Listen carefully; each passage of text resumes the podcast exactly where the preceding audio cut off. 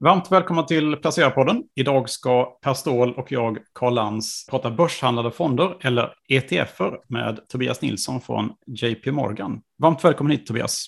Tack Karl, kul att vara här. Vi, vi kanske börja med vad, vad din roll är på JP Morgan, bara kort. Ja, eh, så jag är ansvarig för vår, våra börshandlade fonder på JP Morgan. Eh, det betyder att jag jobbar med framför allt professionella investerare i institutioner eller portföljförvaltare på, på banker och eh, hjälper dem förstå vad, vad, olika skillnader är med ETFer i exponering. Eller så kan det vara eh, tekniska små detaljer i, i hur olika ETFer skiljer sig åt. Och så framför allt en handelsfråga. Och, och du har en bakgrund från att ha jobbat i London väldigt länge, eller? Efter det. Precis, så jag, jag, jag kom dit redan när jag var 17 år på, på eh, gymnasiet och sen så läste jag i universitet där. Har vi jobbat där de senaste tio åren. Så jag började jobba med ETF egentligen 2000, ja, nästan tio år sedan och började som analytiker på, på, på tradinggolvet för en, en, en, stor fransk bank men kom sedan eh, som investeringsstrateg på ett, ett stort amerikanskt ETF-hus. Eh, och där var jag investeringsstrateg så, så fokuserade mer liksom på, på att prata med vår säljkår om, om vad det är som går bra i marknaden och vad våra klienter kan vara intresserade av till att då eh, belysa Eh, olika skillnader med, med ETF. Och, och liksom, eh, efter ett tag så, så, så, började jag själv täcka eh, Norden. Jag kände det liksom att jag hade spenderat halva min karriär utomlands, och, eh, men om det var någonting som...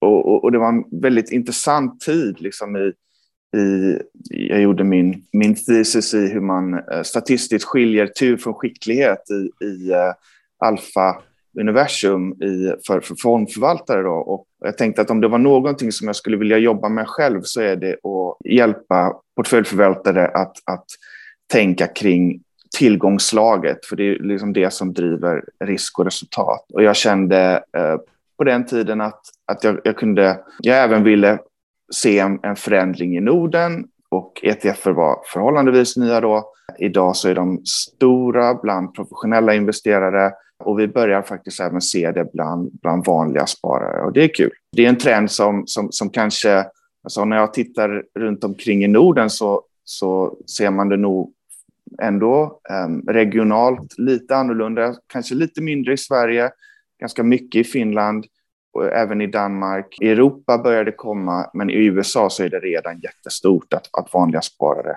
eh, investerar i ETF.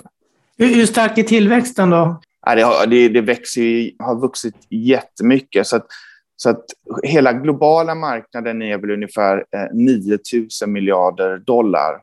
Och det är ju en sån här eh, summa som, som är svårt att relatera till, men, men det, det, det är eh, en, en, en, en, en, en fantastisk tillväxt på, om man tar det från noll sen den första ETF lanserades, ungefär på 90-talet, så, så är det väl dryga 30 procent 35 procent per år. Um, och, det, och det fortsätter ju, fortsätter ju växa. Um, så, så USA var först och representerar de här 9 000 miljarder dollar. Uh, då, då, då är Usits fonder ungefär 1,5 av de nio. Usits alltså det som vi har i Europa i, i, i ett europeiskt skal. Och, och, och varför uppstod det därför? Vad var skälet? Ja, från början så var det nog ett, ett ganska akademiskt koncept i det att marknaden är, är um, relativt effektivt uh, prisad. Om du vill köpa, till exempel om vi tittar på våra svenska index, så, så har marknaden redan är, är liksom ett, det, det bästa estimatet vi har för att se hur värdefull är den finansiella sektorn kontra den industriella sektorn och, och köper du OMX så, så, så, får du liksom en balanserad portfölj i svenska aktier.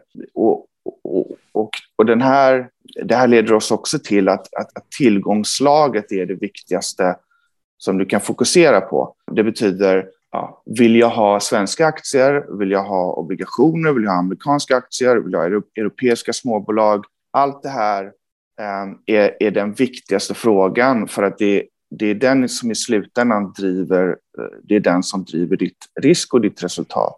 Efter man har gjort det så, så, kan man, så, så kan man fokusera på vilket sätt man vill implementera svenska aktier eller vill, vill jag ha en aktiv fondförvaltare, vill jag ha en passiv.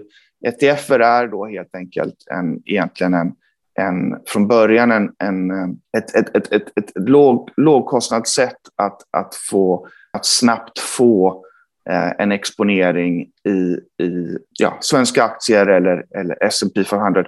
Den första ETFen lanserades 1990 i Kanada. Den, för, den största liksom, hitten kan man väl säga är, är, lanserades 1993 och då var det på S&P 500, alltså de 500 största amerikanska bolagen. Och de här aktierna de prisas ju hela tiden och Eh, på samma sätt så, så äger du då eh, en portfölj av de här 500 bolagen, eller 505 är det, och, och den här ETFen prisas in precis på samma sätt som, som aktier gör hela tiden. Och idag är de faktiskt de mest omsatta, det mest omsatta värdepappret globalt. Det är ETFer. Så att det gör att det, det, det är eh, relativt billigt att handla. Det är billigare att handla än ETF än om man själv skulle gå och köpa 500 bolag och, och vikta dem rätt. Och för, för, förutom att det är naturligtvis mycket enklare att, att, köpa en ETF. Om någonting händer med USA-börsen eller europeiska börsen idag, vi får någon ny information eller vi får fundamental data som gör att, att, att börsen förändras, så, så implementerar marknadsaktörer eh, idag det via ETFer snarare än underliggande aktier. Vad är den stora skillnaden? Du pratar mycket om att det prissätts hela tiden jämfört med, men eh, varför väljer en institution en ETF på S&P 500 istället för en indexfond? Det, det, finns för två komponenter. En, en komponent är ju eh, likviditeten, att du kan, eh, som sagt, Ehm, om, om, man, om man tittar på institutioner så, så har man väl ett, ett, ett likvidlager där, man, där det kan vara bra att, att, att kunna köpa och sälja under dagen. Men många, ehm, och de flesta skulle jag vilja säga, så är det egentligen en, en, en kostnadsfråga på, på lång sikt. Många investerare bryr sig kanske mindre om att man kan köpa och sälja under dagen, utan man, man har en ETF för att det är en, är, är en lågkostnadslösning ehm, på sikt och, eh, och man håller den, håller den så. Sen så det, det, som är en skillnad med en indexfond är att själva handeln står alltid, det står investeraren alltid för. Det sker liksom utanför skalet. Ibland på indexfonder så kan det vara så att de, du har en stor investerare i den fonden och, och, och den investeraren rör på sig att de köper eller säljer så kan det påverka priset eh, eller, eller, eller, eller faktiskt, faktiskt kursen. Ehm, men en, en, en, en ETF är helt enkelt, och det kan vara bra som mindre, mindre placerare att veta om det, liksom att alla står för sin egen handelskostnad. För det kostar alltid någonting att köpa aktier. Om du investerar i en fond så behöver portföljförvaltaren köpa aktier av, av det. Och, och det kostar alltid någonting. I ETF-formatet så sker det eh, effektivt och relativt billigt men, men, men tillväxten av, av ETFer kontra indexfonder är ganska klar i det mm.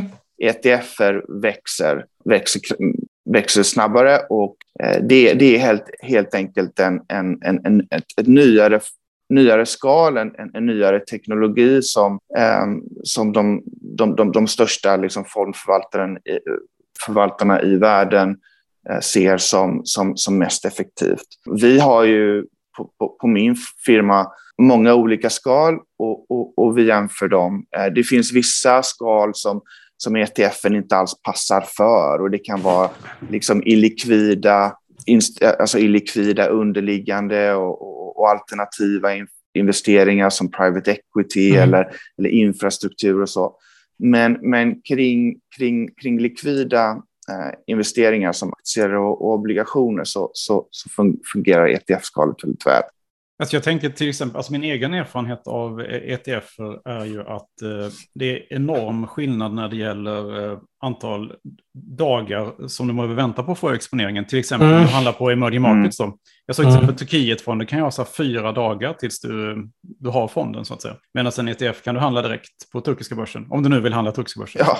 En väldigt, eh, väldigt stor högrisktillgång då. Men... Nej men precis. Mm. Helt, helt klart. Det, det, det, är, det är ett väldigt lätt verktyg att, att, att bygga sin portfölj och, och, och till, till um, och, väldigt stora sofistikerade investerare som använder sig av, av, av ETFer. Och i USA så, så gör man det som, som, som vanlig, eh, vanlig placerare. Så absolut, det, det, det går, det, du, du, får det direkt. Och, och till en lägre kostnad också. Mycket lägre. Precis, mm. absolut. Hur stor del av marknaden, om vi fokuserar på Norden, har börjat ja. handla? Det, det, det, växer absolut. Um, jag menar, professionella investerare, institutioner, banker och portföljförvaltare, de, de har haft ETF för länge. Men sen så har det också, ETF har, har, har förändrats i, i sin exponering. Man, man började med att, att fokusera på, på, på liksom sina eh, kärnbyggstenar. Det kan vara ja, USA eller Europa eller eh, till, att, till att man får nya investeringsstilar. Mm. Du kan fokusera på alltså, aktier som har gått bra, momentumstrategier eller aktier som har en, en, en hög vinst i förhållande till sitt mm. pris, alltså value-aktier. Och, och, och, olika tillgångsslag kom. Carl pratade om, om, om, om Turkiet. Det finns mm nu liksom obligationer från tillväxtmarknader. Så, det har, så innovationen och innovationen i, in, inom ETFer och att man lanserar nya exponeringar i ETFer snarare än indexfonder, det har absolut liksom kännetecknat branschen. Så, att, så den tillväxten finns. Och, i, och idag så, så, så, finns det också olika trender. ESG är ett stort tema, tematiska strategier, även aktiva ETFer eh, kommer. Så att professionella investerare har absolut en, en, en, en större palett idag än, än, än vad man hade från början. Och den tillväxten ser vi absolut. Men, men, men just när man tittar på vanliga, vanliga sparare så, så kan man säga att, att Finland och, och Danmark är, är, är, lite i, i, i framkanten eh, där. Eh, och, och, globalt så skulle man väl säga att Europa, Schweiz, Italien för, för, för vanliga sparare, eh, där växer där växer ETFer väldigt snabbt. Man, man får också olika distributionsplattformar. Man, man, man, det, det, det, det är mer tillgängligt att, att kunna köpa ETFer. Eh, och USA är ETFer redan och har länge varit en jättestor marknad. Eh, vad, vad, ska man titta på när man ska handla en ETF om man nu har bestämt sig för tillgångslaget? En jättebra fråga. Eh, framför allt det första skulle, skulle, skulle man eh, nog ha en leverantör som man, som man litar på eller en, ett ETF-hus som man litar på. Det kan vara eh, det som är, som, som, som, är bra med det är att ja, jag jobbar för, för, för JP Morgan och vi är, är, är ja, världens största bank, men det betyder att all handel för portföljförvaltare, eh, när de, när de förvaltar fonden eller när de köper aktier, det sker effektivt. Så ett, så ett namn, det finns många eh, ETF-leverantörer Eh, i marknaden som är, som är eh, väldigt bra. Men det kan vara bra att, att liksom känna till och, och, och lita på, på, på själva eh, huset som står för ETFen. Sen den andra frågan, och det var väl särskilt i, i, i min eh, um, ETF-industrin eh, ofta en, en lite av en debatt, det var hur man replikerar eller hur, hur själva ETFen mm. ser ut. Det finns framför allt två olika typer av ETFer. En är fysiskt replikerande. Det betyder, och, och på engelska heter det physically replicating, om det, om det står det, eller fysiskt replikerande. Det betyder egentligen att du på precis samma sätt som du har en fond så äger du, om det är då SM, S&P 500 så äger du, eller Turkiet, så äger du um, fysiskt de aktierna i en portfölj eller obligationerna. Och det kan vara bra att veta att det är så i och med att, att du kan, du kan, ETFen prisas in av olika marknadsaktörer och det är viktigt att ETFen och de underliggande, alltså om de underliggande, är, de är ju värda någonting och de ska vara värda samma som ETFen. Och i och med att du kan bryta upp skalet så att skulle det finnas en skillnad där så finns det så, så, så kan marknadsaktörer skapa mer ETFer eller sälja ETFer och, och mm. få dem underliggande. Det betyder att de är i linje när det är en fysiskt replikerande ETF. Och sen så behöver man inte bry sig om vad vi kallar motpartsrisk. Och, och, och det, är väl den, det är väl den andra formen av ETF. Och då, det är den syntetiskt replikerande. Det betyder att det kan vara en swap. Ja, okej. Okay, um, ehm, en swap, du ska leverera ett resultat av vad S&P 500 är värt imorgon. Då har du en motpartsrisk till den, den som, som ska leverera det, eller ETF-huset som står för det. Det kontrolleras ofta eh, via, via eh, collateral och, och, och, det, finns, det finns poänger med det också, särskilt om det är en, en, en marknad som är svår att, eh, eller är dyr att handla i. Då, då, då, men, men jag skulle generellt säga att marknaden har definitivt um, gått åt hållet att fysiskt replikerande ETFer är mer populärt bland uh, professionella investerare och jag tror att, att uh, vanliga sparare tycker det är tryggt också. Så, så det är ju en nummer, nummer två i den här checklistan. Mm. Nummer tre är pris. Det, det, det är viktigt, men, men, men samtidigt så, så kan exponeringen skilja sig åt och det är väl nästan det, det viktigaste. Um, Men vad menar du med pris? Är det förvaltningsavgiften eller vad, vad, vad är prisfaktorn? Det, det, är två komponenter där. Du som investerare betalar själva, själva handelskostnaden och där kan man ju tänka sig att eh, så som, så som jag köper ETFer eh, personligen kan ju vara mm. att, att lägga en limit order, det, det vill säga på samma sätt som du köper en aktie så, så lägger du ett, ett, pris som du kan tänka dig att köpa den aktien för och kommer du ner dit så får du den ordern. Eller så kan du bara lägga en order i marknaden och då vet du att du får den. Men, men eh, det, det, det priset eller, eller courtaget betalar du mm. eh, som investerare själv. Men sen så betalar du no någonting som heter TR, Total Expense Ratio, och det är då eh, förvaltaravgift och admin fee i en. Så då tittar vi på, om man tittar på amerikanska aktier så kan det röra sig mellan ja, fem punkter, så billigt som fem punkter, upp till, 10, eh, upp till 20 punkter för, för en aktivt förvaltad ETF. I utvecklande länder eller, eller Turkiet så, så, så skulle det kunna ligga mellan ja, 25 och, och 35 punkter, eh, 0,25 till 0,35 procent per år mm. i, i, i tio år. Så det är, det är en viktig komponent, men jag skulle nog säga att det, ännu viktigare än priset är att, att försöka förstå vad är det för index jag har?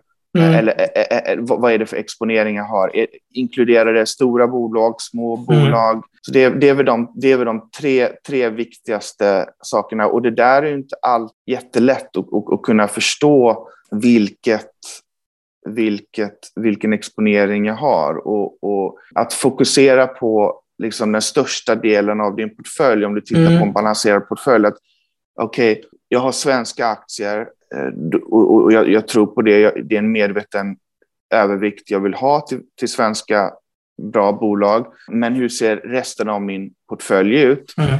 Liksom, idag så kan du köpa en ETF och få en marknadsportfölj, alltså alla aktier i världen eh, inprisade på, på sättet som marknaden värderar USA idag, Europa etc. Och du kan väldigt snabbt få en väldigt stor diversifiering. Och du kan även få den diversifieringen med, med en bättre hållbarhetsprofil.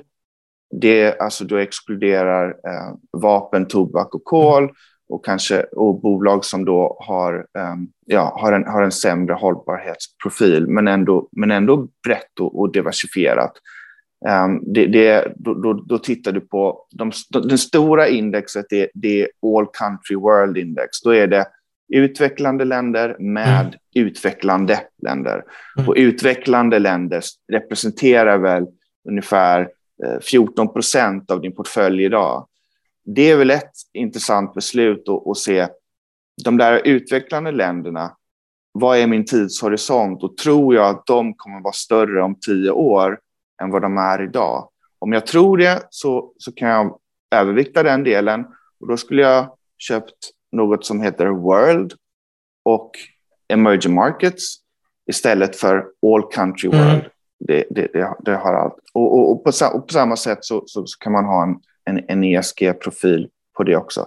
Men det är nog ett, ett, ett väldigt bra sätt att börja att titta på de liksom, core-byggstenarna med utländska aktier och stor, stor del av möjligheterna som vi kanske inte är experter på själva mm. och där vi inte behöver um, lägga ner resurser på att liksom hitta rätt fondförvaltare inom de tillgångslagen. För det är också ett, ett, ett jobb. Och det, det, den viktigaste frågan är ju, um, och det som driver din, din risk och resultat, det är just vilket tillgångslag vill jag ha? Och det är, där, det är där man ska lägga ner mer tid.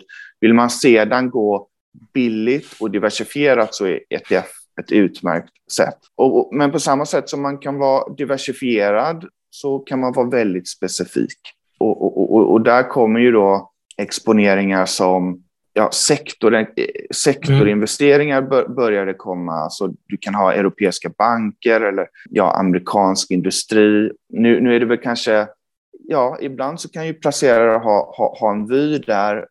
Mer och mer på senare år så har man börjat titta på tematiska investeringar och det är kan du berätta ja. lite vad det är? Vad, vad skiljer en tematisk investering mot ett, en sektorinvestering? Du... Fråga. Alltså, sektorinvestering brukar vara regionalt förankrad. Så att um, man bygger en portfölj regionalt. Jag vill ha jag vill ha mina utvecklande länder på en sida och mina utvecklande länder och så vill jag vikta dem. Och I marknadsportföljen så är 13 procent utvecklande länder. Och, men, och, och, på samma sätt så kan jag ha min mina sektorinvesteringar regionalt, ofta så är det väl um, europe, på europeisk nivå och, och, och, på amerikansk nivå. USA representerar ju nästan 50 procent av den globala aktiemarknaden. Så att, så att med USA och Europa så, så, så täcker, du, täcker du en stor del av, av, av världens marknad.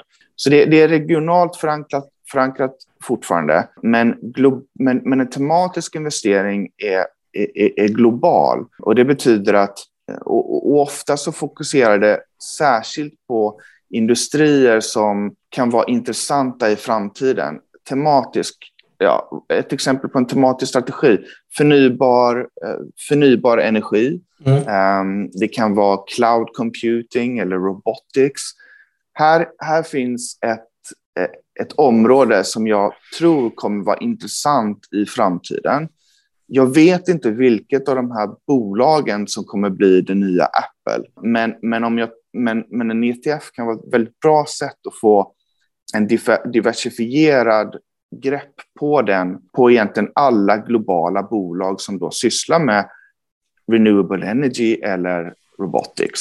Och då med tid så, så, så får jag tillväxten av, av, av, den, um, av den sektorn. Och, och, och skillnaden är väl framför allt då att, att tematiska strategier brukar titta lite längre ut i framtiden och brukar vara globala när, när, när sektorstrategier ofta, oftast är geografiskt förankrade.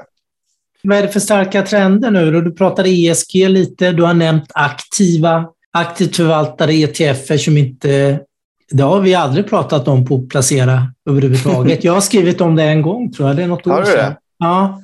Vad, vad, vad är din syn där? Eh, men mm. aktivt förvaltade ETF, är det, liksom, är det det nyaste eller senaste? Eller hur, hur vill du... Är det Katie Woods som har drivit det lite eller fått upp det på kartan, då, eller hur man ska se det? Titta på ESG, för det, för det, det ser vi ju som, som ett jättestort tema och ni ser det i, och, och hela fondbranschen ser det. Men mm. bara för, för, för, att se på ETF-industrin så, så kan man väl säga att Eh, man, man, är där också, eh, absolut. Alltså, om man tittar på europeiska ETFer så är ungefär 15 procent av alla tillgångar nu ESG. Men i år så har 40 procent av nya inflöden kommit till ESG-ETFer, så det visar ju att det, det växer. Men den absolut senaste trenden är ju aktivt förvaltade ETFer. Men då pratar man, om, då pratar man ändå om eh, att, att, att det är så pass nytt att man börjar på, ny, på, på, på låga nivåer. Så det, i, I USA så representerar det dryga 4 eh, procent av, av marknaden, men sen så är det en, en, en oerhört stor marknad, så det, det, det är mycket tillgångar och det representerar 14 procent av flöden i år. Det, det, det vill säga, det, det, det växer, eh, mm. växer starkt och, och, och, och samma här eh, i Europa det finns lite två olika vägar där, eh, eller olika sätt att, att se på saker. Just om man tittar på förra året och um, när, när, när, när vi hade ja, covid och, och, marknaden, marknaden säger äntligen till i, i mars. Um, då, då skulle jag vilja säga att liksom aktivt förvaltade räntefonder, eller om man tänker på hur de, om man tänker på de största globala räntefonder där, där, där man egentligen vill, vill preserve capital eller liksom skydda kapital och det ska vara så låg risk som möjligt. Mm. Det är en traditionellt en aktiv capability. Alltså det, det, det, de största fonderna är aktiva och då, då har du portföljförvaltare och, och ränteanalytiker som, liksom, som, som, som ser till att, att det är så låg risk som möjligt. Och den första, ja, JP Morgan står väl ut där i, i och har den, den, den, den globalt största ehm, um, aktivt förvaltade cash-strategin. Och, och det, jag, det är roligt att se liksom hur, hur en... Ja, man, har, man, man, man har förstått att man, man litar på portföljförvaltarna och man lit, litar på, på det track record de har och förstår att ETF, ETF-skalet är, är, är väldigt bra att ha när, när saker och till um, blir, blir väldigt illikvid på, på, på, marknaden. Och den har ju, så, så, det har ju absolut vuxit väldigt, väldigt snabbt, snabbt. Och även här i Europa har vi sådana typer av, av strategier. Nej, men det var ju, det var ju fonder som, som, som som, som, som ibland eh, inte var öppna för handel helt mm. enkelt. Mm. Och det var, det var svårt att prissätta i, i slutet på dagen vad portföljen är, är, är värd. Och då tittade man på ETF-marknaden och först så, så tyckte man det var konstigt att det fanns en skillnad i hur, ETF, hur ETFen prisades eh, med, med navet. Eh, men, men, men, men, men i, i stort sett så, så alltså det fanns, nu, nu, nu, så, så var det många obligationer som handlas och, och just sådana här korta räntepapper var det lättare att prissätta mm. dem, men även i saker som high yield eller liksom, ja, mindre likvida marknader så, så köptes och såldes ETFer och framförallt såldes um, i, mm. i rekordvolymer. Och sedan när marknaden um, kom tillbaka i april eller, eller, eller Fed kom, kom, kom in i marknaden så, så, så kom det rekordvolymer in. Och det betydde också att ETFen fungerade som en, en, en price discovery tool. Liksom. Det, var mm. den, det, var den, det var det bästa estimatet på vad den portföljen var värd när det fanns vissa obligationer som faktiskt inte alls mm. prisa, prisades. Så, så efter det um, så, skulle, så, så, absolut har fixed income uh, varit ett sådant område um, där ETF, aktiva ETF växer. Men detta året så har det ju bara varit ett, ett, ett aktieår.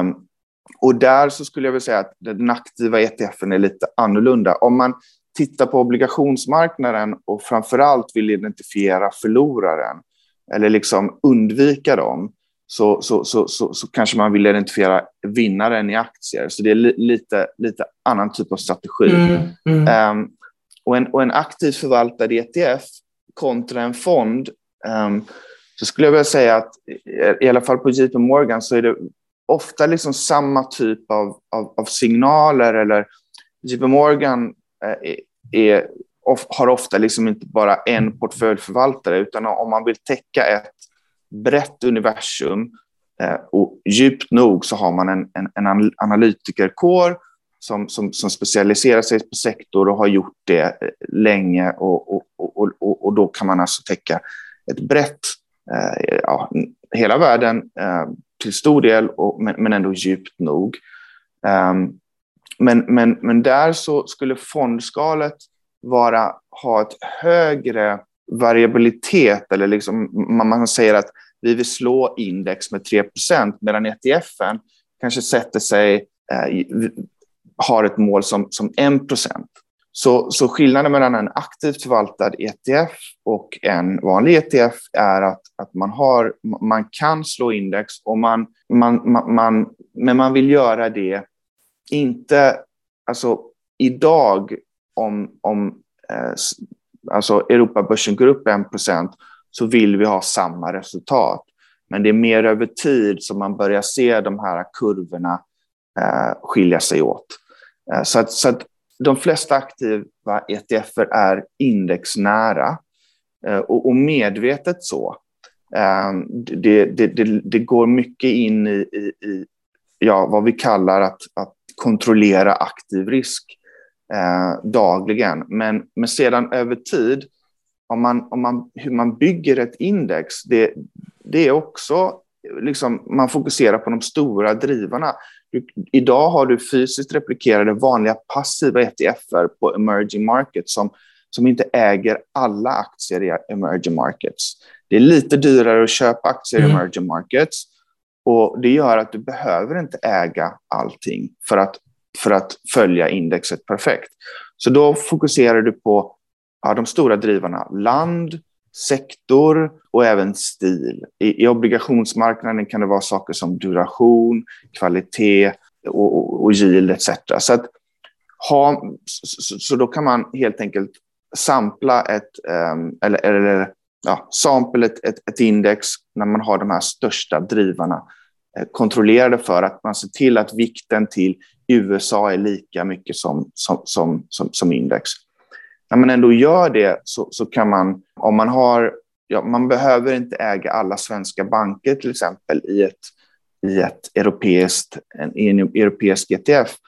Och, och om man inte väljer alla svenska banker, då kan, då, då, då, då kan den här security selection-komponenten komma in och, och när man, ändå, när man ändå väljer en så kan man ta in helt enkelt eh, en, en, en vy på, av, av analytiker som har gjort det länge och har ett resultat att välja de, de aktierna inom en viss sektor som har eh, gått bättre.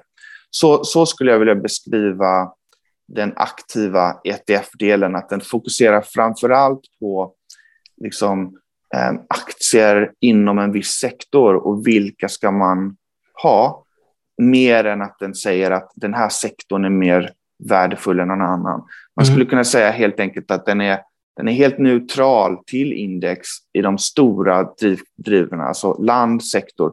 Men innanför dem så finns, um, så finns en, en, en security selection uh, process.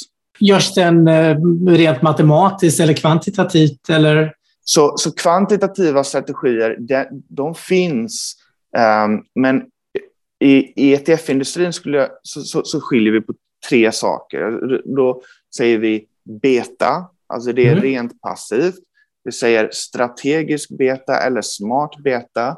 Och då är det kvantitativt. Det kan vara till exempel, och, och det kan finnas väldigt bra sådana strategier. Det kan också vara svårt att tajma rätt mm. eh, när value går bra kontra momentum. Så att, så att det är, och, och, och där kan ditt index ser helt annorlunda ut än, än, än, än vad, än vad eh, den passiva strategin gör. Så det är bra att vara medveten om det. Men, men det kan också vara saker som att jag vill ha utvecklande obligationer, men jag vill ta bort de mest riskfyllda utvecklande länder som ibland faktiskt får ställa in sina, sina mm. Eh, statsobligationer. Så att, och, och, då använder jag marknaden för att, för att screena bort dem. Det, det, det, är ett exempel på en kvantitativ strategi. Men när vi pratar om aktiva ETFer, då är det i slutändan på samma sätt. Alltså det, det, det är ett aktivt beslut mm. som, som grundar sig absolut i fundamenta och att man har, man har smarta personer som, som, som kan värdera aktier och, och, och ta till sig data. Men i slut, i slutändan så är det ett aktivt beslut att vi vill ha Coca-Cola över Pepsi mm. eller, eller vad det nu kan mm. vara. Och en stor fördel, eller om, om man pratar med våra liksom, ana, analytiker eller om man tittar på resultatet som, som, som, som jag själv måste säga är, är, är, är väldigt konsekvent, är att, att möta ledningen är en av de stora fördelarna. Att man, man, man tittar då liksom på, på att bedöma aktier, särskilt från ett, från ett treårsperspektiv och förstå, förstå strategin för, för ett bolag är viktigt. Man har liksom 8000 möten till exempel förra året. Det är, en, det är en stor del av nyttan, förutom det man, man, man, man tillförlitar sig i, i, i, i, i data. Liksom. Mm. Men, så att jag skulle säga att portföljförvaltarens jobb är nog mycket kvantitativt i det att man bygger ett index att den ska så att, så att risken inte är för hög, den aktiva risken. Mm. Men, till, men, men det aktiva investeringsbeslutet att investera i Coca-Cola istället för Pepsi, det är i slutändan ett, ett mänskligt beslut och, och därför kallar vi den aktivt. Idén med en ETF är att, att, att tillgångslaget är det viktigaste mm. man kan fokusera på. Um, och, och, och, och, därefter så, så um, så, så, så ska man se priset och, och man ser vilket index vi, vi följer. Skilja, skillnaden mellan en passiv och aktiv ETF är att indexet ska följas. Um, det, det, det, det, ska följas helt enkelt och man pratar om Ja, det, kommer, det, kommer ungefär, det kommer ungefär ge index minus din TR. En mm. aktiv mm. ETF har också ett index, men det är mer ett ett benchmark på samma sätt som en fond har ett benchmark. Men, och, och, och det benchmarket kan vara då, för oss är det, för, för, för utvecklande länder så, så har det benchmark MSCI Emerging Markets, för eh, Europa MSCI Europe, S&P 500 för USA etc. Och där har vi ehm, eh, två mål. Och det ena är eh, att man vill överprestera det Eh, indexet årsvis och det brukar ligga i eh, runt 0,75 procent. Man vill göra det mer konsekvent. Men man, man vill också se till att inte den aktiva risken är för hög och det betyder att skillnaden mellan ETF och indexet ska inte vara högre än, än, än, än ett tracking error på 0,75. Och, och det betyder helt enkelt att vi vill se till att det lilla aktiva beslutet man tar blir också kompenserad i överavkastning och det kallar vi information ratio. Det, det, det, det låter väldigt tekniskt, men, mm. men, men i slutändan så, så hoppas jag att, att, om man tittar på ett, ett bra sätt att utvärdera är väl att titta på ETFen och se hur den följer indexet. På kort sikt så, så brukar det inte i stort sett vara någon skillnad alls. Men på tid, nu har de här funnits i tre år och aktiva ETF har funnits längre än så.